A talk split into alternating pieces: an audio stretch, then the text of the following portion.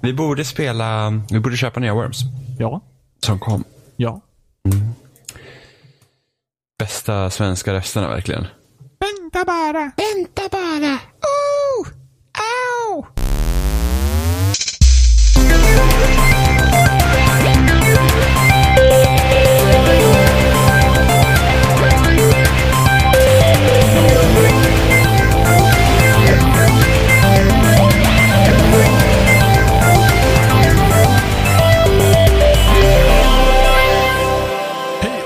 Välkomna till Spelsnack avsnitt 137 och idag är vi It's me, Bobster. Och vi har Jimmy.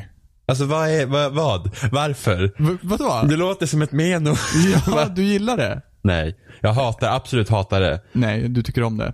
Eh, och eh, på tal om att tycka olika saker så tycker, så tycker jag att ni, ni som lyssnar eh, är rätt kassa på att faktiskt höra av er och, och Faktiskt delta. inte, fa faktiskt inte, fa faktiskt, fa Oj. Det har hänt saker. Vad, vad har hänt? Okej, det har inte hänt jättemycket. Och det här är egentligen mitt fel. Men, Okej. ja men häng med. Ja, ja. Kom hem till mig och titta på Ja, mitt hus. ja, Ja, nej. Käka makaroner och dricka mjölk. eh, förra gången när vi pratade om, vad vi nu pratade om förra avsnittet. Witness. Ja, jo men jo. Så långt är jag också med Robin. Aha. Så långt är jag också med. Aha. Men vi pratade någonting om Wii och Haiti och att Wii var en Wii Sports-maskin. Och det är andra gången vi gör det nu. Aha. För det här är andra gången den här personen har svarat Aha, och sagt att oj. vi har fel. Att jag kom på det förra gången när vi pratade om det. Aha. Så skulle jag precis rätta mig själv, men som den förvirrade lilla pojken jag är så såg jag typ en fjäril utanför fönstret och hittade några helt andra tankar. Och bara, Ooh. ja, typ. Det var, för, för jag kom på att när jag, när jag sa det, att jag inte först hejdade mig själv, så sa jag klart det och sen bara, nej nu måste jag rätta mig och sen så började jag tänka på något annat och sen så, ja, gick det åt helvete. Okej, men Eh, så berätta. den- vad har den, vem är den här personen? Den här personen, Commodore75 på Twitter, Okej, ja. har skrivit, ehm, Hej Commodore 75. så det här för vi, vi har sagt typ att ah, Wii Sports hade dålig attach rate, det var 100 miljoner sålda maskiner och ingen köpte spel till den. Ja, ja. Utom Wii Sports, haha. Ja, ja. Det är fel.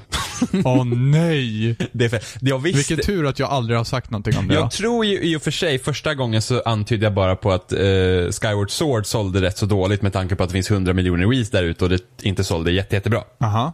Jag tror det var första gången, så därför kanske jag inte hade lika stor sån här attention till den artikeln den gången.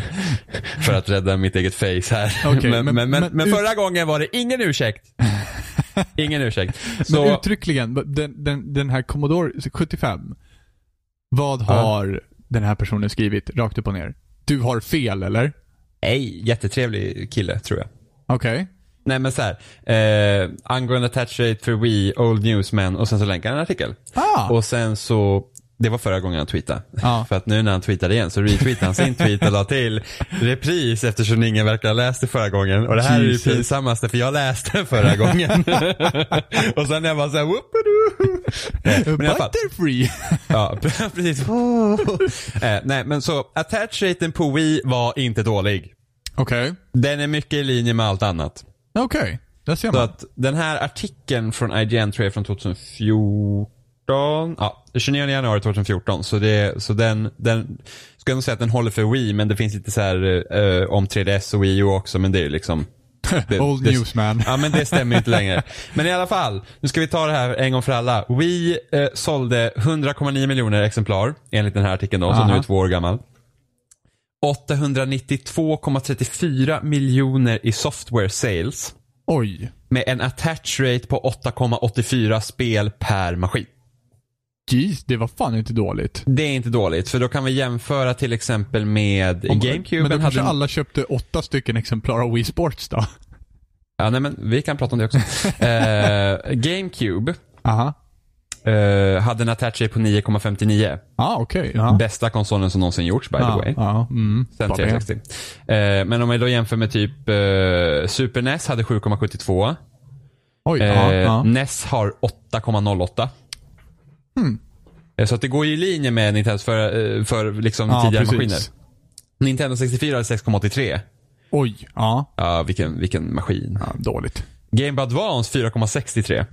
Ja, det var ju, ja. Det var också dåligt, men det, det är så för Game Boy har så här 4,22 så de, de liksom bärbara varianterna verkar lite sämre. För DSen är 6,12 också.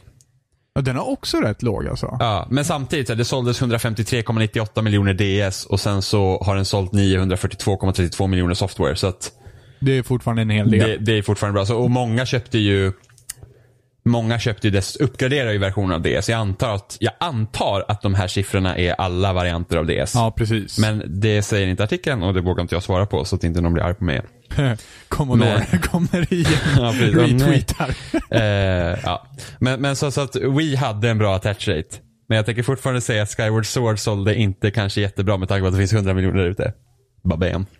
Men sen vet man inte, Zelda kanske aldrig varit en så stor säljare heller. Alltså om man tänker nu den stora massan som köper Nintendo-grejer så kanske inte Zelda är den grej man tittar på. För tittar man då på de här, eh, för den här artikeln nämner också några av de bäst säljande spelen till Wii. Aha, Och då ser man vilka, det är Mario Kart Wii på 34 miljoner. of course. New Super Mario Bros Wii på 27 miljoner. Usch. Alltså det är helt sjuka siffror. Ja.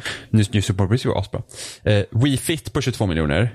Usch. Wii Fit Plus på 20 miljoner. Jesus. Wii Play på 28 miljoner. Och här tänker jag faktiskt protestera lite mot Wii Play. För jag tror att många köpte det spelet på grund av att få en extra handkontroll. För det var fucking omöjligt att få tag i en extra handkontroll när Wii var ny. Ja. Ja, Wii Play var inte bra.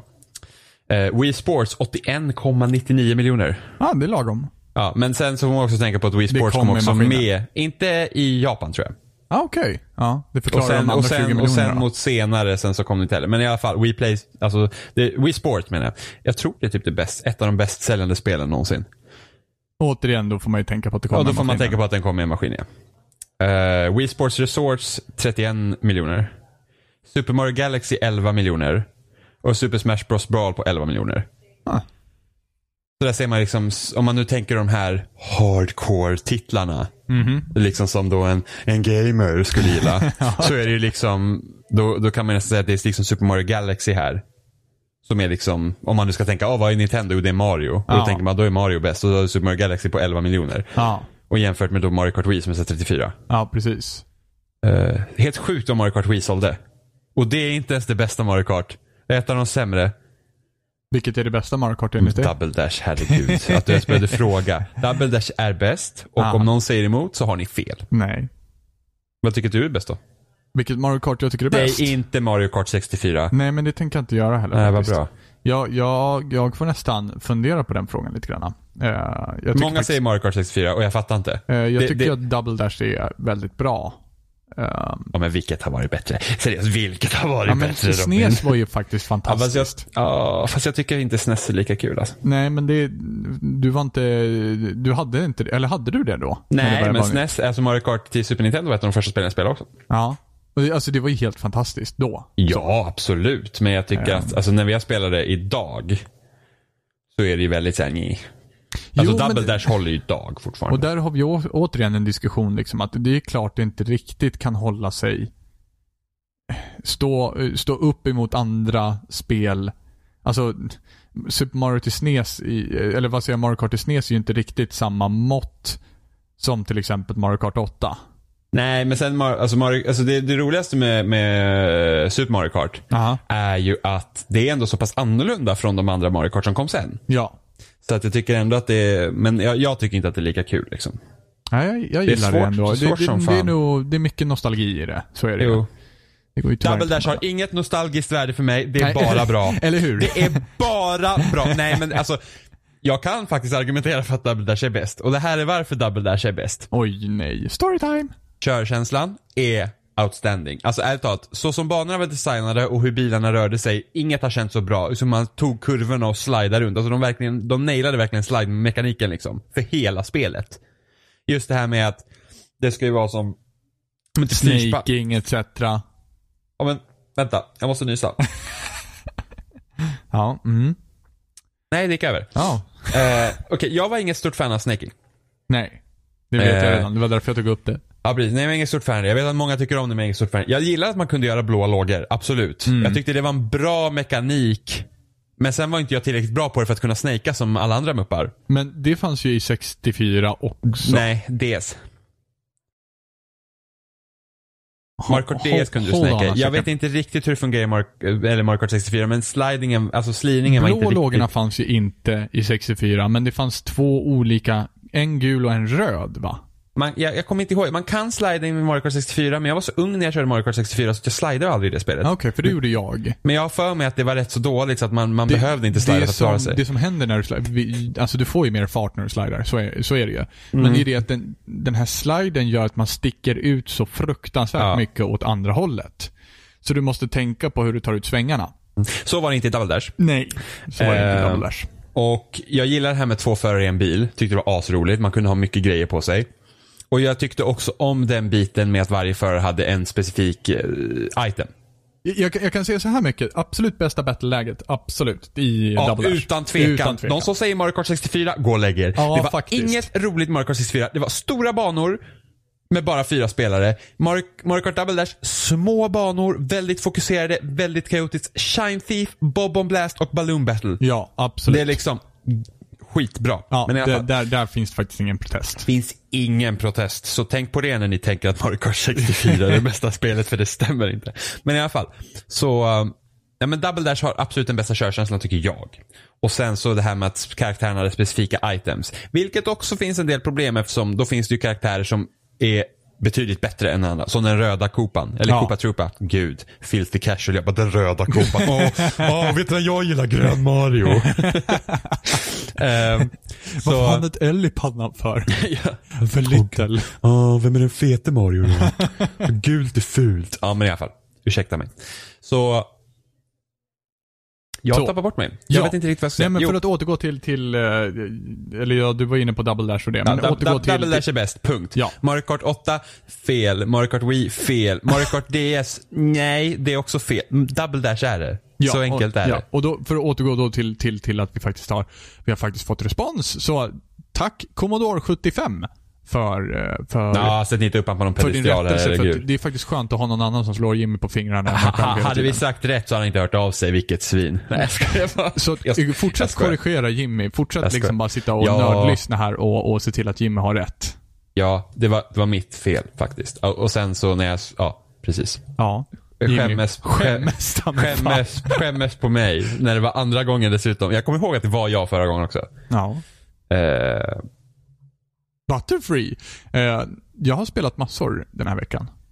Oj. Jag har spelat en, en, en väldig massa. Jag, jag tror att, eh, alltså det jag har spelat är mycket så här. Jag, jag har ju gjort min så här uh, to-do-list med spel just nu som jag håller på att försöka gå igenom.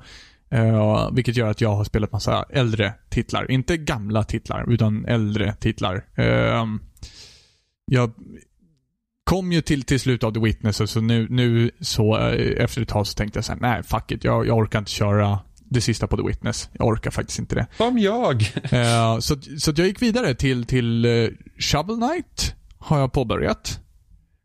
Um, och min kommentar där är att jag, jag har ju alltid haft lite svårt för, för musiken av, vad heter han? Jake?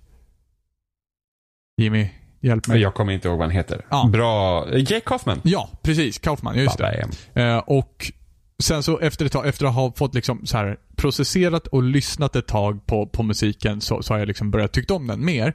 Eh, och faktum är att jag, jag började spela Shovel Knight och var så här, fan. Jag har fan haft fel om Jake Kaufman alltså. Det är fan bra musik ändå. Det är riktigt alltså, det bra är musik. sjukt jävla bra. Och det är liksom... Det är faktiskt det. Då när vi pratade om Shovel Knight i musikavsnittet 2005, 2014. Ja. Måste det ha varit.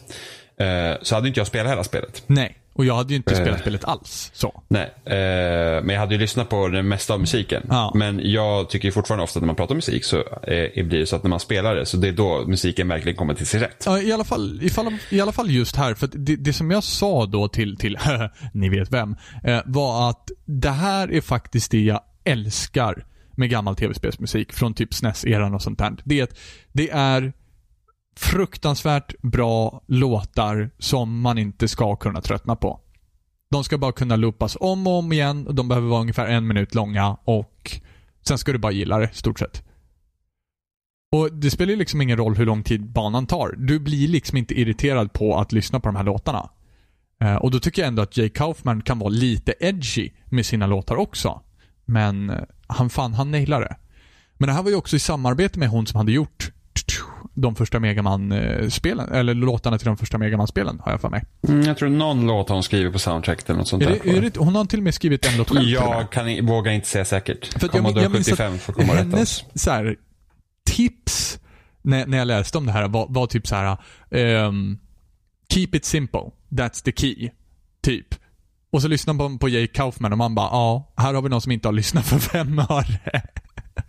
för Jake Kaufman är fan inte duktig på att keep it simple. Ja, fast det kan ändå vara simpelt i sig självt också. Det är inte o, alltså det, det är tydliga melodier. Jag tror väl det är det som är det viktigaste. Precis, och det är- Sen hade ju de helt and- andra verktyg att jobba med också. Ja, så är det ju. Eh, men men, men eh, Jake har, jag vet inte vad man ska säga, han har, har väldigt så här bluesig underton tillsammans med lite jazzig också. Det, det påminner om så här, inte om låtar specifikt från New Orleans-jazzen, men hur man gjorde New Orleans-jazzen. Att liksom alla instrument var lite in och bråkade lite samtidigt sådär. Uh, och det tycker jag påminner om hans själva, uh, hans skrivstil också. Hur han uh, gör de här låtarna. För det är väldigt mycket som är inne och bråkar samtidigt. Och det blir faktiskt väldigt bra när han gör det. Eh, så att jag får faktiskt piska mig själv på stjärten där och erkänna att eh, det är fan riktigt bra när man väl satte sig med det. Mm. Eh, Och där, där kan man ju se, om man tänker på Recore som vi pratade om förra veckan. mhm. Liksom att det, det på ett sätt är ett spel som försöker typ, ja men de här gamla äventyrsplattformarna från Playstation 2-eran liksom. mm. Och, och, och försöker ta på de nostalgiska strängarna och inte lyckas. Ja. För det, alltså, Recore kändes liksom gammalt när man spelar också. Och så tar man ett spel som Shovel Knight. Ja. Som liksom känns, alltså det, man ser ju verkligen vart de tagit inspirationen från men det känns ju fortfarande inte fräscht. Det känns liksom bra att spela. Det känns inte som att jag spelar ett spel på NES som är lite otympligt och Nej, segt. precis, precis. Det är typ det i känns- startmenyerna, där är det verkligen så här. Det här känns så himla... Det, det är någon blandning mellan så här Megaman och Zelda på något sätt. När man får skriva in sitt namn och man får välja profile, select 1, 2, 3 eller 4 och, och, och så Mm. vidare. Se hur många hjärtan man har, se hur många items man har samlat. Det känns så här jättemycket Megaman och jättemycket Zelda. alltså det känns nästan som att det fattas bara komma fr- fram så här, så här när man startar spelet. Bara Sega! Ja, men eller hur? Och, och, Liksom. och, sen, eh, och sen också den här overworld-grejen. eh, Där de till och med har lagt in liksom vissa, eh, vad ska man säga, encounters. Precis som i, i, i ehm, vilket Mario var det? Var det Mario, Mario 3 som började med det, det tror jag? låter bekant. Ja. Och det, det är så coolt hur de har slagit samman så många olika grejer och fått det att funka så himla bra. Eh, jag tycker det är sjukt häftigt faktiskt, nu när jag väl börjar spela det. För en gångs skull. Eh, så det ligger på min Wonderlist, det håller jag på att klara av. Jag håller också just nu på med eh, Middle Earth, Shadow of Mordor. Som jag fått tipsat för mig typ 700 miljoner gånger att jag ska spela. Det är bara det att det är så jäkla dyrt hela tiden. Men det var under sommarrean tror jag. Som det faktiskt vart lite billigare. Det låg på 199 kronor då. Och då passade jag på. Så att nu är jag inne i det också. Jaha, har du köpt det för länge sedan? Ja, gud ja. Jag köpte det för jättelänge sedan. Ja, i och för sig, jag skulle inte säga något. Nej men sen så kom Overwatch och livet var slut liksom. På något sätt. Overwatch är så bra. Ja, Overwatch är faktiskt väldigt bra. Jag har också hunnit spela. Men eh, Shadow of Mordor, eh, det är tyvärr uppe i typ så här 550 spänn igen nu för, för Game of the Year Edition. Ifall man ska köpa det. Så att, jag, jag vet inte vad det är med att de Stan- inte sänkte finns inte priserna. standard edition? Alltså, kan du bara köpa Game of the det Edition? finns standard edition, men den är 100 kronor billigare. Ja, men det, ja. Den går för 450 spänn, medan den Ja, andra går för men- 550 spänn. ja. Jag hade ju köpt den för 450. Jag, jag vet ju inte riktigt vad som, vad som ingår i Game of the Year Edition i och med att jag bara liksom tog det när det väl kom. Så. Jag vet vad jag, ja, jo, du hade ju på rea så Ja. ingen fara. Men jag kan väl säga så här direkt. Att DLC nästan aldrig värt det. Hur menar du? Alltså när det kommer typ story DLC och sånt i spel. Ja. Typ aldrig värt det. Nej, jag visste ju inte ifall det var story DLC eller inte. Jo, det är det. Det och det är det. för, ja, jag har inte spelat det själv, så jag har egentligen ingen rätt att säga att det, om det är bra eller dåligt. Men det är säkert dåligt. Alltså, det enda som jag känner... Oj, herregud. Eh, det enda som jag... Jag tappar min ring för någon undrar. Eh, det enda som, som, som jag känner så här story DLC som verkligen har varit värt det, typ i allas ögon, så är det Mass Effect 3 Leviathan, va? Nej. Nej. Mass Effect 2, eh, Lair of the Shadow Broker. Just det, så Mm. är det ja. Eh, väldigt bra till Mass Effect 2. Eh, och Mass Effect 3 hade också Det var den som hade Leviathan va? Leviathan Och, och eh, vad ehm, heter den som var...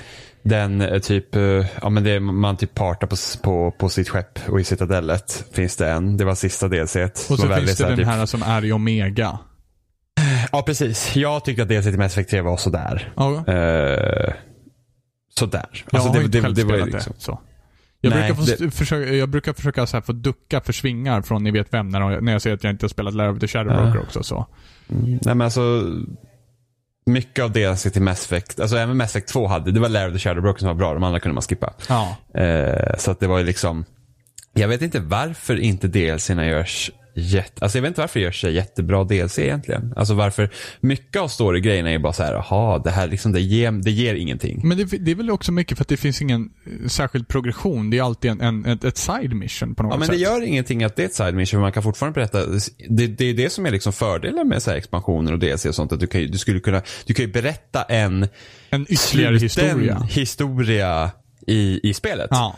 Eh, för jag tycker inte om DLCn som fortsätter på uh, storyn. Nej. Efter spelet är slut. För det känns liksom att nej men det vill jag ha i en uppföljare. Ja. Eh, men jag kan alltså att man kan bygga kring det. Mass Effect är väldigt mycket så att, ja men som Mass Effect 3s DLC, det var ju väldigt så här, men de borde ha varit med nästan i spelet från början för att de tar upp väldigt viktiga saker för låren. Precis, och det är ju Kazumi. Nej, inte trean. Det är i trean är det Leviathan och sen den här eh, Prothean. Ja, eh, precis. Men, Snubben var DLC och sen ja, just det, så... Kazumi var i tvåan, eller hur? Ja, ja just det. Eh, och sen var det ju Omega då. Ja, jag just kommer det. inte ihåg om man fick veta i Omega, men Leviathan var ju väldigt viktig för Reapers. Så att det, är så det här borde de haft med från början. Ja. Eller inte tagit upp alls. För den har inte jag spelat heller. Men Nej, den med Prothean där, ja, Ja, den, ja, men den fick vi ju med den fick vi med Special Edition. Precis. Men den, den, den är egentligen inte med i spelet från början heller. Nej, precis. Och den känns Eh. också relativt tung Den- del. Uh, uppdraget som så var väl lite sådär, men jag känner väl ändå att det är ändå en viktig del i spelet med tanke på vad Prothean är i Mass, Mass Effect universum. Precis. Precis. Eftersom de var ju liksom de, den rasen som var högst upp på täppan innan, eller typ förra gången Reapers Ja. kom. Så att eh, det, det var jag tycker det var en väldigt viktig del. Ja. Den, alltså spelet klarar sig utan det. För det är alla, typ de flesta som recenserar spelet recenserar utan det. För att det, det är inget som följer med i spelet när du köper det. Nej. Eh, och de sa att det går ju bra, men jag känner fortfarande att det är en viktig del liksom att ha där. Ja, Samma sak med. Leviathan hade också kunnat vara en viktig del att ha där. Eh, men sen så typ eh, Rockstar gjorde dels, eller expansionerna till GTA 4. De är ju allihopa gratis. Nej, Va? förlåt. GTA 4. Jag sitter här och sover. Nu är det jag som är butterfree. ja. Ja, expansionerna GTA 4. Eh, jättebra, de två som kom. Eh, Lost and Damned Just och... precis. Och är Ballad of Gay Tony. Ja, och de byggde ju för sig på historien som du hade i GTA 4. Alla hade ju den gemensamma nämnaren var det här eh, rån, rånet där vid, var det museumet eller var det banken? Jag kommer inte ihåg. Museumet va? Någonting var det, så det fanns ju en gemensam nämnare där för dem. Som Mm. alla utgick ifrån. Eh, och det var ju en jätteintressant grej, liksom att se andra perspektiv på samma händelse och vad liksom det betyder för de karaktärerna man eh, hade där. Eh, och det, det var liksom ett bra sätt. Det är jättesynd att de inte har gjort någon sån här story DLC till GTA 5. Eller hur? Men det är väl för att Eh. de satsar på GTA Online överhuvudtaget liksom. Ja, ja. Så att det är liksom, alltså de tjänar säkert så mycket pengar på GTA Online så att de behöver liksom inte. Ja, gud. Alltså de lär tjäna sjuka mängder pengar på det. Alltså. Jag vet inte hur mycket, jag vet ju och för sig inte hur mycket folk köper typ mikrotransaktioner och sånt. För att alla uppdateringar har varit gratis ju. Precis. Jag, jag har ju kört Börjar köra GTA Online nu igen. Så här lite Vi pratade om det förra liksom. veckan. Eh, pratade jag om det förra veckan? Ja. Eh, att jag börjar köra stunt series, lite race och lite grejer. ja. Eh, men, men jag märker i alla fall när, när att tjäna pengar i GTA är fortfarande svinsvårt. Ja, det har vi typ också nämnt typ 800 Eh, gånger. Ja, precis. Men, men det är liksom fortfarande svinsvårt. Och allt, alla grejer som du kan köpa ökar just nu också i kostnad. Typ, vill du ha den dyraste bilen så är det 2,7 miljoner. Vill du ha en jakt så är det 10 miljoner. Vill du ha det här coola, coola, eh, det här flygplanet som är gjort typ helt i guld, då är det 20 miljoner. 10 miljoner kanske det var till och med. Men det, det är liksom sådana här summor som jag, jag har ändå spelat ganska mycket tycker jag. Jag är uppe i 350 000. Mm, men Heist får du mycket pengar via. Precis, men du får ju också mest, som mest pengar i Heist första gången du kör igenom dem. Jo, jo men Ja. du får, det är ju ändå mest pengar i heist. Precis. Ja, och det är så jäkla svårt att hamna med några som är relativt att man kan lita på dem relativt i heist ifall man spelar med okända människor. Det är så svårt. Och quittar en utav dem, då är heisten över. Ja, nej vad tråkigt. Och då kostar det ju liksom pengar att initiera en heist. Det är ju Ja. liksom, ja, så här, ja nu så initierar jag en heist och jag spelar med random personer. Ja, där hoppade en ut. Ja, nej, det var 50 000 åt helvete. Ja, nej, men det är tråkigt. Det är skittråkigt. Eh, Men så det är ändå synd att, att det inte har kommit någon single play DLC till GTA 5. Precis. Men, men också, då, Eh. det är också det som gör att jag tror att man tjänar fruktansvärt bra pengar på... Jo, men det gör de säkert. Det gör de säkert. Jag, jag, tror till, jag tror att det var så att de inte tjänade jättebra pengar på eh, expansionerna till GTA 4. Jag tror inte att folk köpte dem Aha. eh, tillräckligt mycket. Det var ju Microsoft som finansierade dem Ja. också. Men jag tror att det var inte liksom, det var, arbetet var säkert inte värt det. Dock är det en annan tid idag med online och sånt där än vad det var då. Ja. Så att man vet inte hur det ska se ut. Jag vet ju inte hur DLC-försäljningen ser ut alls. Jag vet ju inte om, om de här små storypaketen som de släpper säljer något vidare. Men alltså, jag antar att det är de här season passes som säljer. Ja. När folk köper dem på en gång och sen kanske man liksom inte bryr sig riktigt om vad man får eller man får någonting och man bara la la la la. Liksom, eh, ta typ eh, expansionerna till Batman eh, Arkham City. Mm. Och även Arkham Knight. Jag tror att eh, dels att Arkham Knight har inte fått så jättebra kritik. Men även så här, Arkham City köpte jag så här, typ ett Harley Quinn DLC tror jag. Liksom folk bara, ja men det är skitbra så här. Och så körde jag det och bara, det är skitdåligt. Det var inte alls bra. Det var ju liksom, det var ju något, ja men det var ju liksom så här, ja storyn sa ingenting typ och eh, uppdraget var inte speciellt kul. Alltså det är så här att jag har gameplayet redan i spelet. Jag behöver inte ha ett DLC som låter mig göra samma saker som jag redan kan göra. Mm. Men jag kan göra det om jag får en intressant story, så ge mig det. Ja. Men det, det är ingen kapabel till att göra tydligen. Gud vad jag låter negativ. Jo, men, men undrar om inte det här kan bero lite grann på att, på att liksom huvudteamet släpper spelet när, när huvudstoryn väl är klar. jag sen vågar när, in... när det kommer jag vill- till liksom DLC-utvecklande så är det kanske några andra eller någonting annat som gör att Jag det vågar inte riktigt svara på varför varför DLC inte är bra. Det kan ju vara så att det är någon högt upp chef som bara, nej men vi ska ha DLC till vårt spel. Ja, precis. Eh, så ni får göra det ändå. Liksom. Fast de inte vill eller någonting. Jag har ingen aning så jag vill inte liksom hålla på och spekulera i det. Men eh, de flesta är inte bra. Men så tar man typ The Witcher 3. Som, Ah, haft, som det. hade jättemycket lite DLC till spelet liksom, eh, långt efter att spelet släpptes och sen två stora expansioner. Mm. Och båda varit riktigt bra. Den senaste var ju, så- alltså den senaste kändes som en det, det kändes verkligen som en så stor sidoberättelse i det universumet. Mm. Eh, med en helt ny karta och allting. Eh, och den var liksom, alltså, jag, jag, alltså, de skulle lika bra, de skulle kunna släppa typ en expansion till The Witcher 3 typ varannat år eller en varje år och jag skulle vara skitnöjd och bara få mer berättelser i den världen. För de har systemen klara och de lyckas liksom ändå berätta intressanta historier som, som är kul liksom att spela igenom. Mm. Och sen så hade det här Blood and Wine som var senaste expansionen och hade ju massa så här sidouppdrag. Också utöver huvudstoryn. Mm. Som man liksom var på samma liksom nivå som eh, eh, de som fanns i Witcher 3. Ja. Och det är liksom bara så här, ja men för att jag behöver liksom inte ha en för att det var inte det jag gillade med Witcher 3. Jag gillar inte det här bombastiska typ, åh världen går under, hu, hu. Utan eh, jag gillar det här liksom andra. Och det i Blood and Wine så jobbar det ju åt då drottningen över det här riket. Som de har liksom problem med något monster. Och så, så det är där det börjar och sen utvecklar det sig över tid där. Så det handlar liksom inte om att rädda världen eller liksom eh, stoppa världens undergång eller något sånt. Utan det är det är liksom så, ah, vi har ett problem, du är Witcher, du löser det här och sen så liksom nystar man i det och vad som händer och sen så fanns det massa sidouppdrag i det också. Så det är liksom, det jag tycker är en bra approach på det hela. Och det skulle vara skitkul om de typ så här, ja ah, vi kommer göra expansioner till Witcher 3 lite då och då för att nice. det kommer ju aldrig hända men eh, nu Och- jobbar de ju på Cyberpunk. Och där la vi in The Witcher-expansioner på min to-do-list. Den finns Ja, bara alltså- på... Ha, ha, eh, Hearts of Sto- Heart of Stone tror jag den första heter. Ja. Inte lika bra men fortfarande bra. Ja. Eh, men Blood and Wine var liksom, det var skitbra. Och det är verkligen, som man märker verkligen när man går in i Witcher 3 att man liksom så att den här världen, alltså det är liksom, det, det, det, på något sätt är den så magisk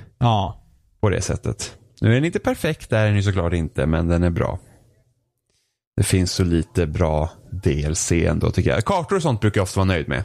Men det är för att då spelar man multiplayer och då är det liksom köttar man på. Men när det kommer till story DLC är jag verkligen så här, nej, jag typ ignorerar det för mesta tiden. Jag liksom har inget intresse. Det fanns en tid då jag typ köpte all story DLC till alla spel jag hade. Men det, som sagt, Ehm. återigen, det var ju lite av en annan tid också.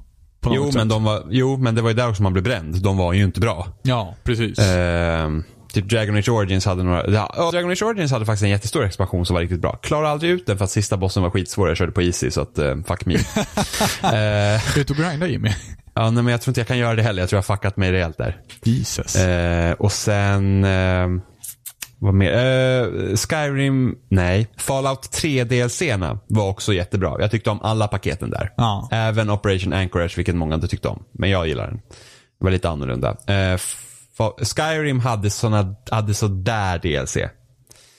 Eh, och jo, Fallout 4 har jag inte köpt någon DLC för att jag var inte... Fallout 4 var bra, men inte, inte så bra. Och jag vet inte hur de DLCn har varit heller till det spelet, så jag har ingen koll. Men Bethesda brukar i alla fall göra ganska köttiga eh, DLCn till sina spel. Mm. Sen så har jag också spelat Flame and the Flood. Men gud, vad har du spelat?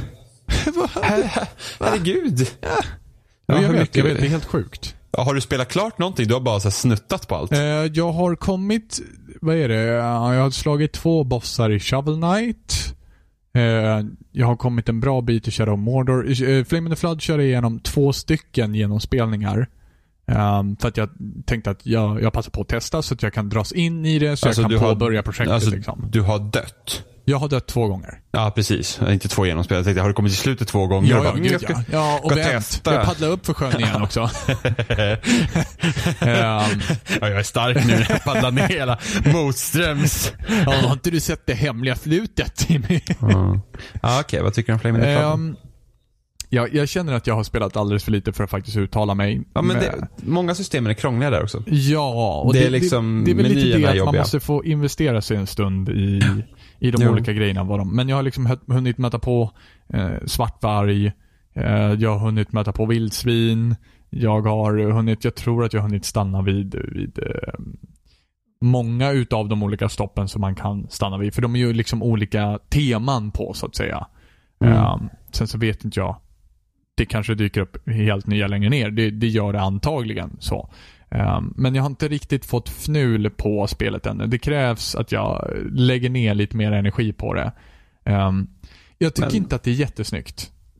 Va? Jag tycker stilen är jättefin. Jag, jag tycker att, att liksom själva bilden av The Flame and the Flood, när, när, när liksom temabilden, den som de visar, den, den är skitsnygg. Men i spelet så är jag lite så här. Nja. Nja. Lite så. Ja. Jag känner att det som drar ner det spelet är att det inventory-systemet är krång, onödigt krångligt. Men frågan, alltså jag, jag, jag vet inte, du har säkert spelat det mer än vad jag har gjort, men jag känner Ja. att jag kan inte ens besvara den frågan just nu. Nej, men alltså det, det var det som gjorde så att jag liksom, för ingenting är enkelt. Det är liksom så här, det, det är för jobbigt. Alltså sådana här med så här crafting-system och sådana grejer. Ja. Titta på Minecraft. Gör likadant. Tack. Det är liksom så här, det ska vara enkelt. Du har en recept, du vill göra det här, tryck så och gör det. Och sen det, det är massa konstiga menyer. Jag tror till och med det var så delay när man bytte tabbar i menyer. Det var bara jobbigt. Ja, det, det, det var väl lite eh, tuggigt att gå igenom menyerna sådär. Men eh, alltså, som sagt, jag jag måste, jag måste undersöka mer innan. Jag tycker att det är ett ganska trevligt spel att bara sätta sig med. Eh, Musiken är noise. Helt okej. Det passar jättebra till spelet. Ja, Så är det ju. det Eh, är så noise. sen, sen så är inte jag eh, ett fan så. Nej, men du gillar typ så här konstig musik som typ, jag vet Ja, inte. men 433 med John Cage är Eh, jätteskönt att nej, lyssna men- på på bussen och sånt där. Ja, precis. Det bästa. Eh, Ja, det är ju, nej, ja, va? Det är ju, ja det, du det är är ju låten ja. Mm, precis. Precis. Ehm, nej, så jag har hunnit, jag, jag kände att, jag, här, fan, jag måste börja. eh, om jag ska liksom komma igenom det här. Jag kan inte bara Ja. skriva en to-do-list och sen så bara, ja, nej, Nej. det här var ju nice. Och inte nog med det. Inte nog med det. Ja. Den- Robins to-list, de här spelen ska jag spela och hur gör vi då? Vi spelar alla samtidigt. Jo, men jag ändå liksom så här, Vad är det för sätt? Just nu så mainar jag två spel. Och det är Shadow Mordor och jag mainar uh, Shovel Knight. För att jag Mm. tänker att jag tar ett spel som är lite grann som man kan ta i omgångar. Vilket jag känner i Shovel Knight så. Och ett som man kan lägga, lägga ner lite mer tid i, vilket är Shadow Mordor då. Eh, sen så Flame and the Flood, det var liksom bara någonting jag gjorde för att jag väntade på att Emma skulle installera sitt Shadow Mordor. Eh, så då tänkte jag, men jag provar den här. Eh, bara för att liksom komma igång, så att säga. Ja, så kan inte jag. Jag kan inte bara känna att jag kan starta ett spel och så bara, äh. Ja, men jag kan ändå, alltså för mig är det oftast den tröskeln. Där sitter ofta tröskeln för mig. Det är att om jag börjar på ett spel, då är det så här, det finns så mycket som jag måste lägga ner energi på att lära mig på en gång. Och det kan vara ett hinder för mig än att hellre liksom starta Overwatch. Mm. Ja, jo precis. Men alltså jag känner bara det att när jag verkligen startar ett spel då sätter jag mig faktiskt ner för att nu har jag bestämt mig att nu ska jag spela det här spelet. Precis, och då behöver man ju Ehm. ett par timmar på sig gärna. Ja, precis. Men det, är- jag skulle inte kunna göra så att man Shovel Knight igång och sen Shadow of Mordor igång och sen bara, oh, kan testa lite Flame in the Flood här. Utan det är så att då hade jag spelat Shovel Knight och sen när Shovel Knight är klar då hade jag gått till Shadow Mordor och när Shadow Mordor är klar då hade jag gått till Flame in the Flood. Jo, men vad gör Flame du när du tröttnar på Shadow Mordor? Då slutar jag spela Shadow Mordor och så lägger jag undan det. Så det Ja, klart. och så börjar du spela typ Overwatch eller någonting. Ja, fast eh, jag har alltid ett jag har alltid multiplayer-spel som Precis, går och det var det bredvid. jag ville komma ifrån. För att jag vill ju så gärna spela typ Overwatch. Eller Aha. typ Rocket League. Eller Ja. typ, eh, vad var det jag spelade på PS4 senast nu då? Var det någonting annat? Ja, förutom The Witness då givetvis. Ja. Men det var någonting annat jag spelade på PS... Jo, men GTA Online har jag ju börjat spela givetvis. Så det sätter jag mig också med. Så här. Jag sätter mig med familjära titlar för att jag är så här. ah, Det här vet jag att jag kan avbryta när, när jag behöver typ, jag vet inte, gå och laga mat eller liksom gå och duscha eller vad som helst liksom. Eh, medans ifall jag tar upp ett Hatar när det händer när ens duschtid kommer mitt emellan när man spelar. Det- Åh, gud. Det, har Nej, hänt men- så men många här, gånger. Typ, laga mat. Det är ju någonting som kommer i vägen. Typ Ja, så här, städa huset eller någonting. Ja, huset, lägenheten. Städar inte. Eh, gå och handla. Liksom, Vägrar handla. det är skit som kommer i vägen. Och då kände jag bara så här, fan jag måste bara börja. Jag måste bara börja investera mig i de här olika grejerna som jag har börjat ta åt mig nu. Så. Ja, Jag drar ju mig lite för att börja spela nya spel just nu. För att vi kommer komma in i fucking helvetesmånaden. Ja, det är det, det är så här. Forza Horizon 3 släpps den här veckan. Ja. Eh, sen kommer Gears 4. Ja. Och sen kommer Titanfall. Och så kommer Battlefield. Och så kommer Mafia 3. Och så kommer Final Fantasy 15. Och så kommer nya Call of Duty. Och så kommer Last Guardian. Och så kommer en massa spel jag glömt bort att nämna. Och så kommer små spel som man vill spela. Liksom som man hittar bara sådär hipp som happ. Så att jag, så att jag är så här, jag, jag har varit nu lite, sen jag recenserade Recore och klara Witcher. Så har jag liksom inte haft något sånt där spel som man bara plockar upp och bara, nu börjar jag på det här. Jag har Far Cry 4 på min, hård, eh, på min Xbox som jag är sugen så ja, men jag kanske skulle starta det och sen bara så här, nej, det går inte. Nej, För det precis. kommer och det är just komma därför ja. som jag är inne i det här som jag är. Ja, fast därför startar jag inte för att jag vet att nu kommer det komma spel som jag kommer spela hellre. Ehm, jag har varit jättesugen på att köpa Bioshock Collection. Jag var så nära på att köpa det nu. Igår när jag kom hem. Mm. Och var så här nu. Och sen bara, det är tre spel. Forza Horizon 3 kommer. och det var liksom, ja, det, det, det går inte. Då kommer jag bara köpa, då kommer jag köpa dem. Och så kommer jag inte spela dem och sen kommer de hamna på rea eller någonting och jag har fortfarande inte rört dem. Så då kan jag lika bra vänta. Jag behöver inte köpa det nu. Nej men precis, eller hur? Det, det är väl lite det som man ska ha i åtanke på något sätt. Just. Att man behöver liksom inte, man kan vänta på att det blir lite billigare. Precis, precis. Ehm, jag vet och fan när man tänker på BF1 och när man tänker på Titanfall. Ja, men, och det är bara att det, det är inga små titlar här. Det är inte så att om man spelar kampanjen och sen är det klart. Nej, det är multiplayer också. Ja, Så precis. Gears, Gears 4 bara så här, ah, hård och multiplayer. Och man bara, ah, jo, jag sänkte ner typ så här 600 timmar i Gears 3. Mm, kul. och så bara, ah, Titanfall 2. Mm, jag sänkte ner ungefär mm, 600 timmar i första Titanfall. Mm, kul. Battlefield. 1000 timmar i Battlefield 3. Säkert 500-600 timmar i Battlefield 4. Mm, ja, mm, skoj Jimmy, skoj. Ja, och alla Liksom- kommer nu samma månad. Ja, inom loppet av så här, en vecka från varandra. Ja. Det är sjukt! Ja. Ja, men Det Gears, helt 4, insane. Gears 4 tillsammans Jimmy. men jag kanske kommer recensera det. Ja, men, men ändå, liksom, eh, när vi kör kampanjen sen så, så Ja, jag kan spela kampanjen med dig. Men Ja. jag kommer behöva spela det själv också. ja, jo, jo, jo, nej, nej Vi- det får du inte. Vi tar ju det Du på... får in- recensera ändå. vi tar ju det på Insane. Ja, det är klart vi gör. Det måste vi göra. Eh, ja, nej, men vi kör kampanjen sen. Mm. Eh, men jag måste ju...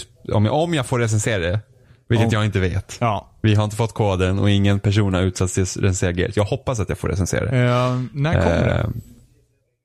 Eh, eh, 14 oktober tror jag Fan, släpps. jag, jag är ändå taggad alltså. Jag har blivit, jag har blivit skittaggad på Gears. Jag har inte, jag har liksom inte riktigt brytt mig.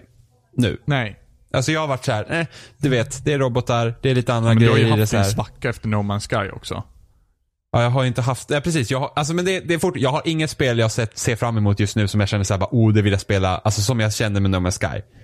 Jag har inget sånt just nu. Nej, men utan, alltså för mig, för mig just nu så är det faktiskt BF1. ja, nej, men jag, har, jag, alltså jag vet att jag ser fram emot BF1 och det kommer, men jag känner liksom, jag har inget sug efter det på det sättet. Det kommer när det kommer medan No Man's Sky var bara såhär, jag vill spela det här nu. Ja. Jag vill ha det nu och så fort som möjligt och gärna igår och ja, precis. Ehm, Men i, jag har inte det. idag så kan jag verkligen känna så här, jag, jag kommer aldrig klara ut No Man's Sky. Nej men alltså det går inte att klara ut. Alltså det är så här. Jag vet vad som händer när man kommer till mitten av Ja, universum. jag med. Ehm, och jag känner så här att okej.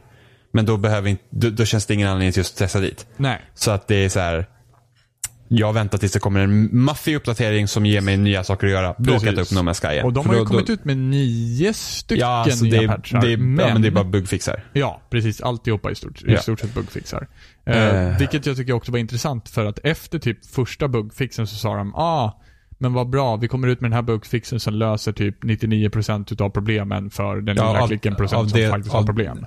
Av spe, när spelet kraschar. Ja, Sen finns det ju massa andra grejer man kan fixa. precis. Eh, så, så är det. Men, men nu när alla liksom, folk har varit ute på preview events och de pratar om Gears 4 och då blir jag så här, oh nu är det dags. Nu är det fan dags alltså. Sen så gillar jag ju Marcus Phoenix också. Så, Mackan. han, han är med en del i spelet. Ja. Ehm, nej men sen också, Judgment kan man väl inte direkt säga fyllde ens Gears kvot när det väl dök upp. Nej, för kampanjen var inte bra, men Overrun var jävligt kul. Det var skitroligt faktiskt. Det var ett jätteroligt spelläge. Alltså det var liksom Alltså det var, det var verkligen jättebra. Det Ja. var liksom att det, kunna släppa det läget till Gears 3. Och Jo, men, liksom, alltså, jag är ändå förvånad över hur välbalanserat det läget var. ja, det var riktigt bra. Det är ju faktiskt riktigt förvånande. Ja, och riktigt genomtänkt och bra. Så Ja. det, det, var, det var kul. Det men var riktigt men det roligt. kommer ju inte till Gears 4. Eh, nej, inte till att börja med i alla fall. Nej. Men Horde ska dyka upp igen. Ja, Horde 3.0. Oh. Eh, nej, för de har ju haft, liksom, det är mycket de har försökt göra tweaka och liksom få det att kännas att det är som Gears. Eh, för att det är svårt för en ny studio att göra exakt, alltså göra så att känslan är exakt likadan som i de tidigare spelen. Jo men För förhoppningsvis måste så kan de väl gå tillbaka till rötterna som, som i ettan liksom. Att det finns ett, ett, ett, ett, ett lite mer skräckrelaterat moment i Ja, du tänker Gears. kampanjen ja. Ja. Ja, jag tänker multiplayer. Jo, För att liksom, så här, jag tycker Gears 3 är typ perfekt. Alltså multiplayermässigt är det typ nästan perfekt. Och, det, och, jag, och jag är ju rädd för att de kommer gå mer så här Gears 1. Du vet, ah, shotgun är typ det enda du behöver använda, ha kul liksom. men och vad det, tyckte du om betan då? Jag tyckte betan var, var, jag tyckte betan var kul. Ja. Men jag tycker fortfarande så här, Lancern är för, jag tyckte Lancern var för klen. Jag vill att den ska fungera som i 3. Alltså jag vill ha den Hammerbursten var ju här, värdelös. ja precis. Jag vill ju att det ska vara den här, för det som var så kul i Gears 3 var ju det att du fick, du kunde inte bara springa fram med shotgun alltid. Mm. Utan du fick ju alltid vara såhär, okej nu har jag det här vapnet och nu har jag det här vapnet. Och så liksom man får hela tiden bolla vilket vapen ska jag använda nu i vilken situation. Mm. Eh, och det är det jag tycker är kul. Det är det som de har gjort så himla bra med Halo 5 nu också. Mm, precis. Genom det att de har liksom gjort assault riflen är stark. Eh, de här, alltså vapnen, alla vapen ska vara användbara för sin grej. Och då får man hela tiden säga vilket vapen ska jag använda nu? Vilket, vilket passar den här situationen? Det gör att man hela tiden får byta upp sig. Och så, nu hamnar jag med det här vapnet, hur ska jag spela då? För att det här fungerar på det här sättet. Så det blir nästan så att när du kör multiplayer och har liksom vissa vapen som, som, som, som du spelar med då. Då måste du spela på ett annat sätt. Precis Ja. som det typ var i kampanjen. Ja, precis. Eh, så att eh, det är väl lite så. Så jag, jag tycker ju om när man har de här flera variablerna att gå efter än att vi alla equipar sin shotgun och springer in. Liksom. Det som, är, det som verkar bli lite tråkigt med Gears däremot är ju det att det kommer ju typ burn cards-aktigt till multiplayer-läget så som jag förstod det. Ja, ja, till Hård. Ja, är det bara till Horde? Ja, Ja, det var eh, ju jag sig har, en lättnad. ja, så jag har ingen aning om hur de kommer fungera där. Jag har inte ens läst upp på det, men det men det, det finns mycket att ta på där också. Säga varför, varför så här kortsystem förstör multiplayer. Eh, alltså jag tycker ju typ att rec-korten i Halo 5 Ja. förstör ju allt med Warzone. Ja. För Jag känner att de hade varit så himla mycket, det hade varit så jättemycket mer intressant. Om det hade varit fordon utplacerade på banorna, man får strategiskt tänka istället för att åh nu har jag räcknivå 8 och kan köra ut med en jävla supertank liksom när alla andra har en jävla supertank och så supertankar vi tillsammans. det är liksom, det är inte kul. Nej. Och eftersom jag säljer alla mina räckord för jag vill ju ha armordelar. Ja. Eh, så då, då har inte jag egentligen någonting där att göra heller. Men det är liksom där, det blir den här oberäkneliga multiplayer så att jag kan aldrig liksom vara säker på att åh nej, vi fick ut lagets tank så nu kommer inte de ha en tank utan då har de potentiellt flera andra tankar. Ja. Liksom. Eh, nu, såklart har ju vi det också. men det är inte kul. Det är samma sak i, War, i Firefight. Ja. eh, Som kom till Halo 5 i somras. Det är också där att man har räckkort. Ja. Och det är jättetråkigt liksom att, att istället för att man får grejer och typ som uh, Firefight fungerar både i Reach och i ODST. Så var det liksom att ODST var ju absolut svårast. Så där var det så här, här är dina vapen som du har. Good luck. Liksom. Och, fi- och Firefight i Reach var ju mer lite åt partyhållet också. Men det var ju fortfarande bra. Nej, men liksom, Det är ju många Det- multiplayer-titlar, eller många multiplayer-titlar. Det är i alla fall två multiplayer-titlar som det känns lite som att de har gått liksom back to basics för att göra det riktigt bra. Till exempel Halo 5. Ja. Eh, de, det blir vilket är spännande. den andra titeln du tänker på? Ehm, vi pratade ju om den titeln alldeles nyligen också. Jaha. Ja, men jag tappar, jag tappar den. Jag Men hade, då? jag hade den ju på huvudet och sen så tappade jag den bara. Men man måste tänka vilket spel har gått tillbaka back to Vi, basic? vi pratade inte, om Halo 5 och vi pratade om något Ja. annat innan Halo 5. Inte Gears. Nej. Du kan ju inte tänka på Gears, för Gears, jag vet inte om Gears går, jag vet inte om man kan räkna det går back to men basic. det var, det var inte Gears heller. Det kanske var Gears jag tänkte på. Ja, det måste ha varit det. Eller det så var kanske det annat. var. Det kanske det var. Ja, ja, men i alla fall. Eh, det blir spännande att se vad, vad de här titlarna som kommer nu faktiskt kan göra. Eller vad de kommer göra. För att jag upplever att eh, Gears 3 var väl inte så mycket så här eh, lägga på skit liksom. Men... Eh, Nej, de gjorde typ bara det bättre Ja, i men Gears jag 3. hoppas, ju, hoppas ju till exempel att Titanfall skalar ner på sina rec-kort eller burn cards. Ja, men burn cards, jag vet inte om burn cards kommer vara med. Det är det jag hoppas på att de att Jag stör, alltså burn cardsen var inte så farliga i Titanfall. Precis. Men, Eh, men det fanns ju tillfällen då. Till exempel när man, man kunde få en Titan direkt i början av en match. Precis. Så spelade man typ Pilot Hunter då så var det liksom Då hade ju den personen ett jätte, jättestort övertag. ja. Eh, Eh. och Battlefield. Battlefield behöver ju verkligen gå tillbaka till basics efter typ Ja, trean och fyran. Ja, och det har de väl typ gjort. Ja, precis. Efter, efter betan så känns det i alla fall väldigt bra hittills. Ehm, och sen så...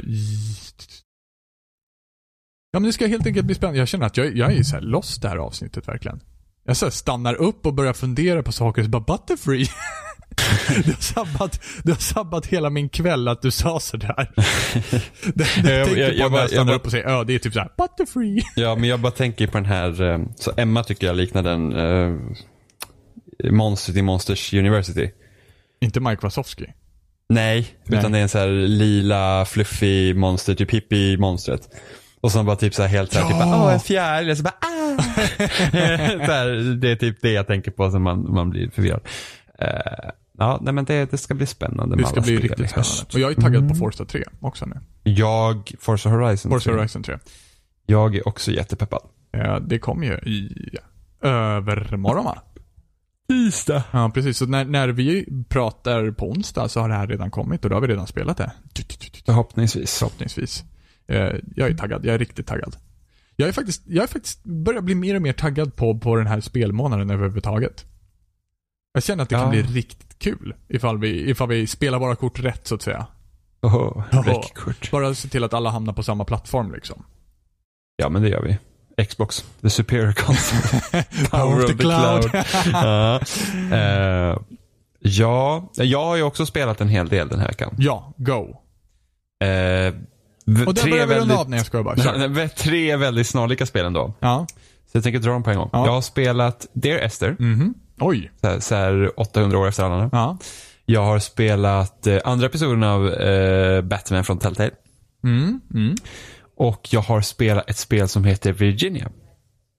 Virginia. Som har släppts. Okej, vilken vill du börja med? Vi börjar med Virginia. Jag tänkte precis säga du ska börja med Virginia så. För det är, det är ett bra spel. Aha. Eh, som det, om, om de som lyssnar då har spelat typ spel som typ 30 Flights of Loving. Som är gjort av, jag tror de är Blendo Games. Åh gud om jag har fel på det nu. ja, i alla fall. Det, det, det, 30 Flights of Loving i alla fall. Det, det är nästan som en kortfilm i spelformat. Så det tar typ 10 minuter att spela klart det och sen så är det massa olika scener liksom klippt. Alltså du, du liksom går inte från punkt A till B och sen är du klar. Utan det är liksom, du, du, du, du styr en karaktär i spelet och sen så så, så liksom klipper det till nya scener hela tiden. Som en film. Så du är som en huvudperson i en film, eller du typ styr kameran kan man nästan säga. I första person på en karaktär och sen så går man igenom scenerna. Eh, och Virginia har samma koncept. Men istället för att göra en kortfilm på 10 minuter så är det en långfilm på två timmar. Okej. Ja. Eh, och till stor del så fungerar det väldigt, väldigt bra.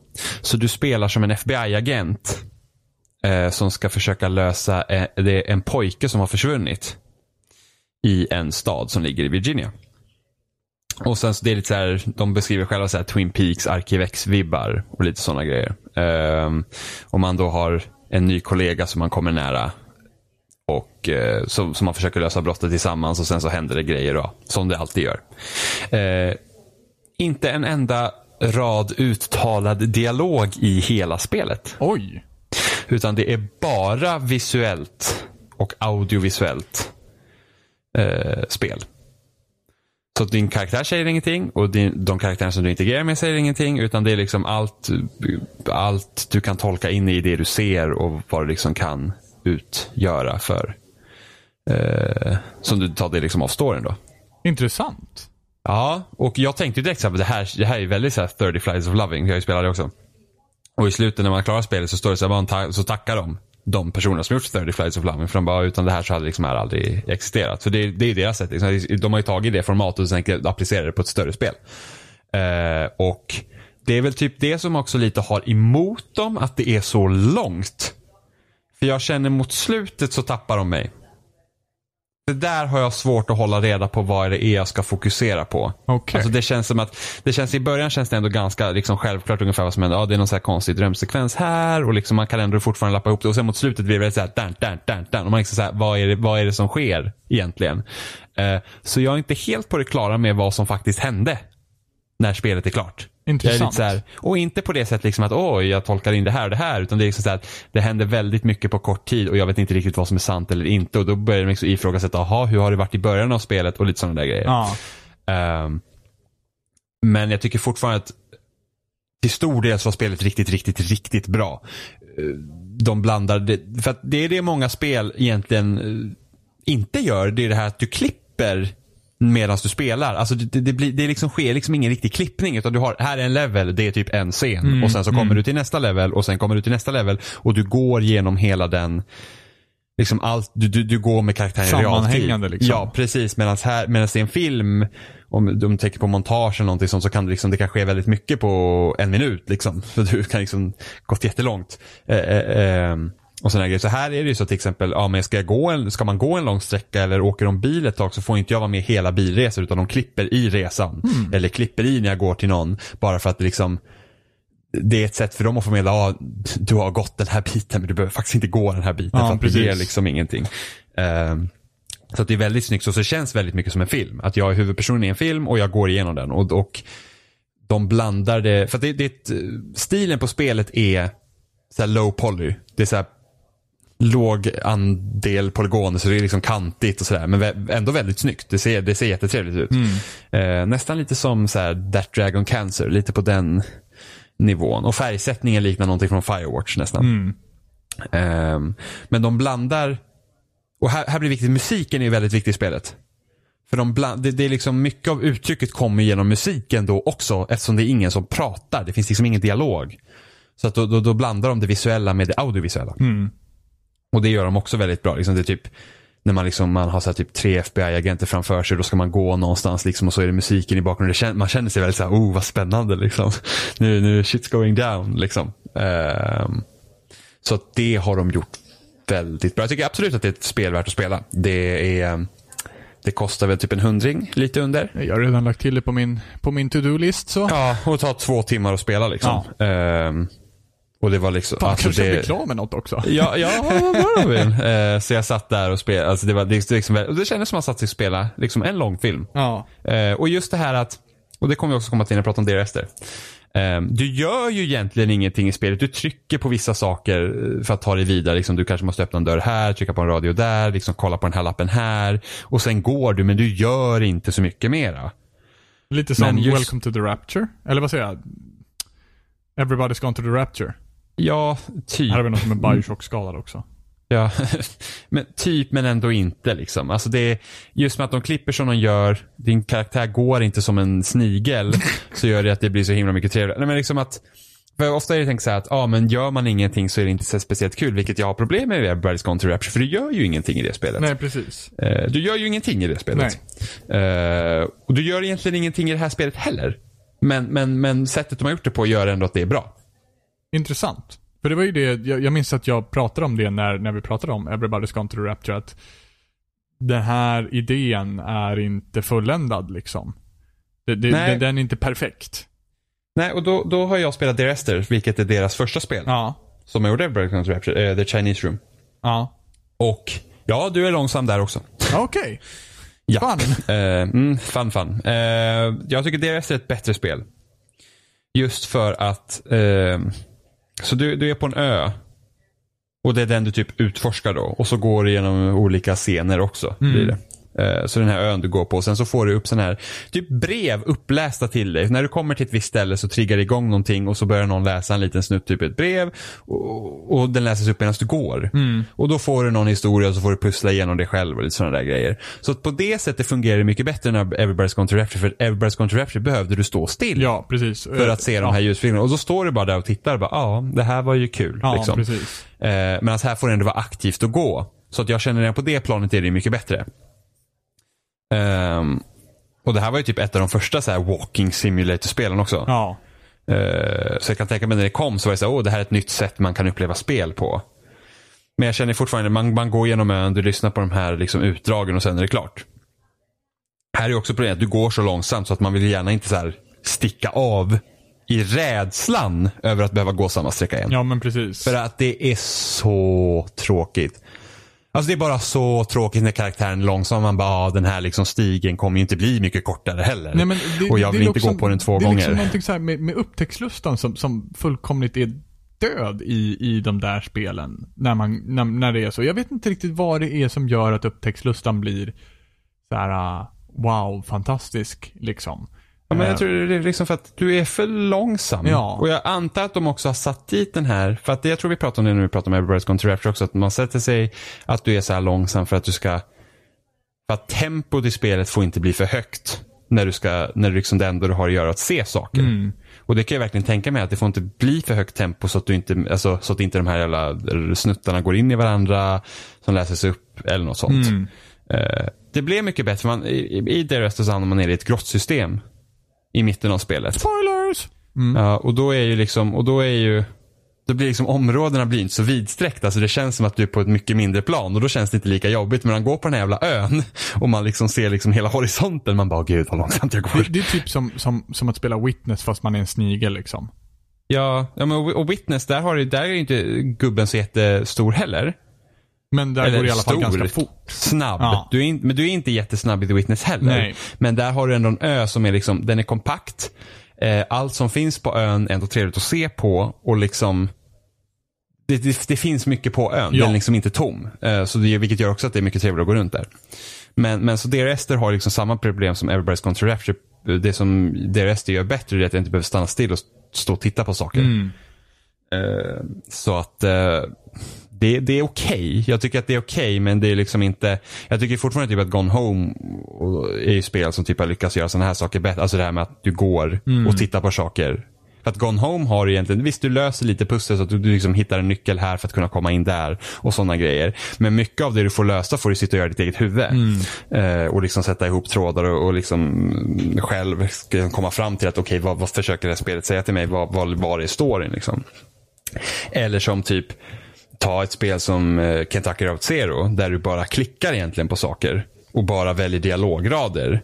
Har de också lyckats bra sätt för där, där väver du ihop din egen story. Så bara okej den här vinkeln kanske är intressant och då trycker man och väljer det. Inte nödvändigtvis det här väljer jag som person utan det här är intressant eller det här betyder den här karaktären för mig. Får det tänka på ett annat sätt. Medans Everybody's Gone to the Rapture och Dear Esther är mer så här, ja vi går och så lyssnar vi. Ja, men precis. Och det är väl inte jätteroligt. Uh, Dear Esther är bättre än Everybody's Gone to Rapture tycker jag. Mm.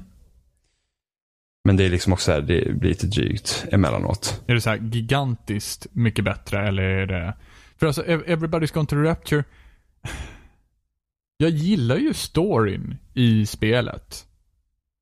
Men det är så fruktansvärt tråkigt att, att följa med i storyn. Ja, alltså bara gå runt och man bara så här, "Åh." och sen så bara okej, här kommer vi till så här, till 78 huset med fucking blodiga näsdukar på golvet. Jag har sett det här redan Ja. liksom. Det, det är inte spännande längre. Nej, och det, det, spelet är ju helt amazing typ första halvtimmen. Sen så börjar man bli så här, men gud. Ja, är det så jag som har missförstått premissen på något sätt Ja, eller? Men det blir så här TikTok, TikTok. Ja, för, för Eh, jag upptäckte ju, alltså jag gick ju verkligen runt hela första området i Everybody's Gone to Rapture. Alltså verkligen varenda jävla kvadratmeter och bara undrar om det finns något spännande här, undrar om det finns något spännande här. Och efter att jag hade varit där så var jag bara så här. det finns inget spännande Ja, någonstans. och jag gick ju fel. Jag gick ju tillbaka till början igen. För jag trodde så här, jag, jag tappade bort den här ljusbollen och kunde inte hitta den. Jag var så här, "Ha." men så bara, okej, men vi var ju på väg till observatoriet. Ja. Så jag går till, då, då kanske, jag bara, ah, har de gjort så att jag måste gå tillbaks hela vägen? Ja. Kommer dit och bara, nej, går tillbaks hela vägen igen. Så jag var ju liksom över den där kartan tre gånger. och så jävla här, mardröm. skjut mig. Ja. Eh, det resten är typ en timme långt också. Ja. Så att det, det är inte, alltså Everybody's Gone to Rapture var ju typ så här tre, fyra timmar. Ja, ja, nästan 4-5 timmar ska jag säga. Ja, så att det var ju liksom för långt. Ja. DRS, alltså då passar det mycket bättre att ha liksom kortare. Ja. Men det, det var lite intressanta grejer i sen. För att det, det är så att du kunde dö i spelet. Jaha, okej. Men då behövde du själv ta livet av dig. Liksom på det sättet att så här, åh här är vatten, jag går ner och drunknar. Ja. Eller oj, här är ett stup, jag hoppar ner. Ja. Och jag kände bara så här, hmm, det måste ju vara medvetet. Det tänker jag. Liksom, det, må, det väldigt medvetet var att jag ska kunna ta livet av mig på de här ställena. Ja, för, för Eh, Everybody's Rapture var ju precis tvärtom. Det var ju liksom helt kontrollerad. mm. Du kunde Ja, ju inte är- gå på vissa ställen bara. Så, Ja, så men det här var ju, det här var det specifika ställen du liksom kunde typ ta livet av. Jag bara, hmm, det känns väldigt lustigt. Och sen så, ja, sen när man kommer till slutet så kan man ju tolka in det också om vad det stämmer. Men det, det kändes bara så här. Det, det var liksom en intressant twist, liksom att okej, varför var det inte nos in i vägg här? Jag kunde faktiskt ta livet av Ja. mig. Ehm, så så det, var, det var bara lite spännande. En så ren observation. Men där ser man också skillnaden mellan så Virginia och det resten. Liksom att Virginia, där, där liksom det har ett högt tempo, eller ett högre tempo och du, liksom, du får relevant information till det medan det resten är mer så här att lunka på. Liksom. Men också bara en timme långt var det rester så att det kändes ju ändå så att ja, då var det inte så farligt. Men det är så här fyra, fem timmar och bara liksom bara såsa sig fram och bara så här, ja, alltså jag blir galen. Ja. Eh, sen har jag också spelat andra episoden av Batman. Batman. av Telltales Batman och eh, de gör rätt så intressanta grejer med källmaterialet. Eh, ja men du vet lite så här när man kollar på Christopher Nolans Batman-filmer. Mm, mm. Och man säger, ah, okej här ligger hans tolkning i Bane, här är hans tolkning av Jokern, här är hans tolkning av Batman, här är hans tolkning av Scarecrow. Och liksom hur man väver in det i något verklighetstroget och sådana där grejer. Så det, det, det var ju det som var väldigt intressant med hur Nolan skötte sitt. Och Telltale gör, har egna tolkningar av materialet och ändrar saker och liksom sätter in nya eh, nya dilemman som gör att det liksom ändå hålls intressant. Om man nu liksom är, känner till Batman ganska väl. Så så, så är den liksom så att, oh, de har gjort så här, vad spännande. Liksom. Eller de gör så här, och gud vad spännande det här är. Dock tycker jag att det inte alltid är särskilt bra skrivet. Jag känner att många av de valen man kan välja när man är typ Bruce Wayne är så här att det här makes no sense. Det är liksom så att det här, alltså det, antingen är man en liten gnällig, man är den yngsta 30-åringen någonsin. Ja. Eh, ibland är man bara dum. Så vilket gör att det känns för mig ibland så att det finns bara ett enda rätt val. Alltså det är inte som typ Walking Dead när det är som bäst har varit så att oh shit vad ska jag välja av de här. Ja. Utan ibland är det bara så att ja men det är klart jag väljer det här. Och så, men gud det där blir bara löjligt. Och nej inte det där. Och sen i första episoden så var det väldigt så bara, åh Bruce dina föräldrar är döda. Kommer du ihåg att dina föräldrar är döda? Åh Bruce visst är det ledsen att dina föräldrar är döda. Åh gud, jag är så himla ledsen att dina föräldrar är döda. Man var så här, ja, mina föräldrar har varit döda så här, mitt större delen av mitt vuxna liv liksom. Ni behöver knappast så här, ursäkta er för min förlust nu. Men vi- kul att ni bankar in att mina föräldrar är döda, great liksom. Rubbing it in. Eh, och här, och sen så händer en twist i slutet av den episoden, jag vill inte säga vad det är. Men sen så är det en ny grej då i andra episoden också så att, åh gud, åh gud vad ledsamt det är för dig. Åh gud, åh men Bruce, åh mår inte dåligt av det här. Och man bara, men herregud, någon försöker typ mörda massa människor ut och är helt komplett jävla galning. Jag är fucking Batman och jag försöker lösa det här nu. Liksom, okej, visst att det är tråkigt, men det har jag liksom sagt typ två gånger då av de här fem miljonerna gånger jag kunnat göra det. Nu är jag trött på er att ni ska hålla på så, åh gud vad ledsamt det är om det är. Bruce. Åh, Så, åh. så numera bara, nej, jag hatar dem ändå. Nej men det liksom blir så att, men sluta älta det. Jag har släppt det för tillfället för jag har större saker att tänka på. Men liksom det blir irriterande. Ja. Så jag känner att det är liksom, Du är irriterad på att dina föräldrar är döda alltså? nej men de försöker liksom banka in saker för, hå- alltså för hårt. Man liksom, men kom igen, jag liksom fattar galoppen efter tredje gången. Ja. Eh, och, och, och många så här konversationerna karaktärerna, ibland känns det att okej, här var det tanken att jag skulle välja någonting annat. För att den här konversationen slutar på ett väldigt lustigt sätt med tanke på vad jag har sagt. Okej. Och det, det brukar inte jag känna i Telltale-spel. Jag typ kände det i Game of Thrones tror jag. Men Game of Thrones var också dåligt. Men här är det så här bara, okej. Så att hade, för många gånger har jag liksom känt så att okej, det spelar ingen roll vad jag sa här. Ni hade alltid kommit till det här svaret ändå. Vi kommer hit oavsett. Ja, just det. Precis. Ja, men Och då, ja. och, och, och då är det inte så här bara, ah, på större planen på hela episoden att ah, det spelar ingen roll jag valde här och så händer det här i slutet. Utan det kan hända i konversationerna. När jag säger något så bara, men det här limmar ju väldigt dåligt med vad jag sa nyss. Ja. Liksom, va- varför är det här din respons på det jag sa nyss? För då säger jag, ah, okej, men det här var nog responsen om jag hade tagit det här. Då hade det liksom varit helt förståeligt. Mm. Men liksom, det här är ju bara så här. nej. Och sen typ, så har man så här typ två större val i den här episoden. Och jag valde, jag valde en grej först.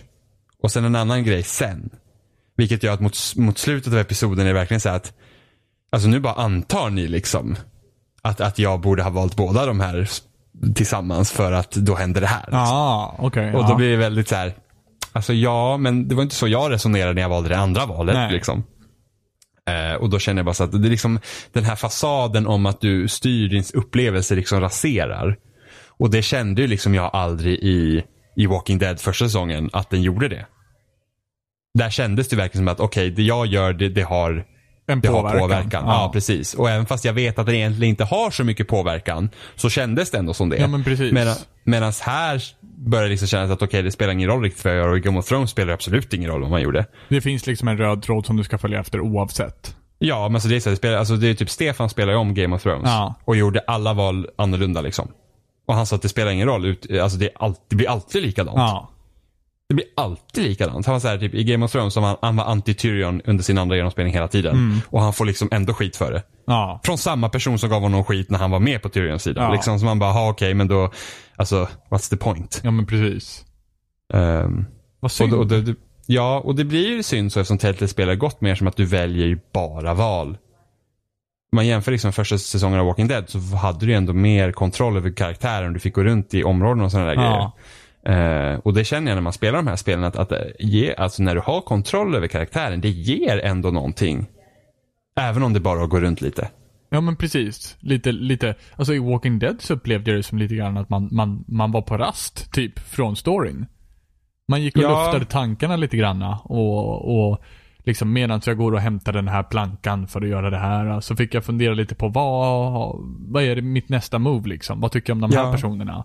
Eh, vilken relation har vi? Varför har vi den här dåliga? Eller liksom, nu, gud, nu har jag hamnat i dålig dager med den här människan. Hur löser jag det här? Liksom. Ja, och sen så fanns det liksom det fanns utrymme att prata med karaktärerna utanför stora Ja, storypoints. precis. För när du kör cutscenes på cutscenes på cutscenes, då händer det ju saker hela tiden. Mm. Men i första säsongen av Walking Dead så kom du ändå nära personerna för du kunde prata med dem utanför när det händer saker. Ja. Eh, för det kände jag problemet var säsong två. Var ju det att det blev, alltså man kom inte nära gruppen. Vilket kanske också var medvetet med tanke på vad som hände med Kenny i hela Ja. den säsongen. Liksom det var mer att du skulle ty dig till Kenny. Ja. Ehm, men om man, men liksom det fanns ändå ingen så utrymme så att, ja men nu liksom är vi här så nu kan jag gå och prata med alla karaktärer och så pratar man lite om vad som har hänt och bla bla bla. Utan nu är det liksom bara så här att, ja men här, här är scenen och nu har du de här valen. Och sen så kör vi nästa scen och du har de här valen. Istället för att liksom faktiskt sänka tempot lite. Ja. Eh, för det var ju samma sak i Life is Strange. Och vad man nu tycker om Life is Strange var ju det att där fick du styra Max väldigt mycket. Och det gav ändå någonting. Liksom, det kändes ändå liksom det, det, ger någonting att inte bara ha de här stora scenerna och, och välja vad din karaktär säger utan att faktiskt kunna interagera med olika personer och liksom gå och kolla och titta och undersöka. Och det är också någonting som eh, Virginia gör rätt så bra. Mm. Eh, med många scener så här, att du har ju ändå lite tid att kunna gå runt och titta så här för att du är ju ändå en FBI-agent. Så vissa ställen så ska du faktiskt undersöka. Mm. Och sen så rätt som det så klipper de. Men det, då kan man ändå se liksom, så hemma hos liksom en, ja, hos den familjen då vars pojke är, är försvunnen. Så bara, ah, okej, jag är inne i deras sovrum och de sover i skilda sängar liksom. Det säger ju en hel del. Mm. Och det får jag ju liksom inte i en, i en, i, i liksom en cutscene-film där liksom sitter bara och pratar med varandra. Utan Där var det så, okej okay, de sover i skilda sängar här och så här ser det ut här inne. Vad säger det om karaktären? Liksom, så det, det, det, det ger ändå Mm. mer än att bara liksom babbla med folk.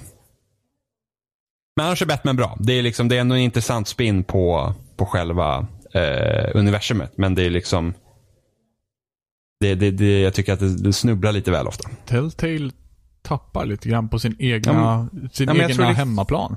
Ja, jag tror de är lite mer för bekväma med sitt format. Helt enkelt. Interesting. Ja. Oh, har vi missat någonting nu? Jag vet inte, jag pratar en jävla massa. Ja, men jag har också pratat en jävla massa. Det får vi göra när, när Johan inte är här. ja. Ja. Varför dela kakan på tre för? Eh, Men det börjar ju bli dags att eh, avrunda så. Eh, Och genom att, men vi har inte missat någonting va? Nej, jag tror, tror vi tog allt. Ja, jag tror också att vi tog allt. Då så. Då så. Titta, då avrundar vi.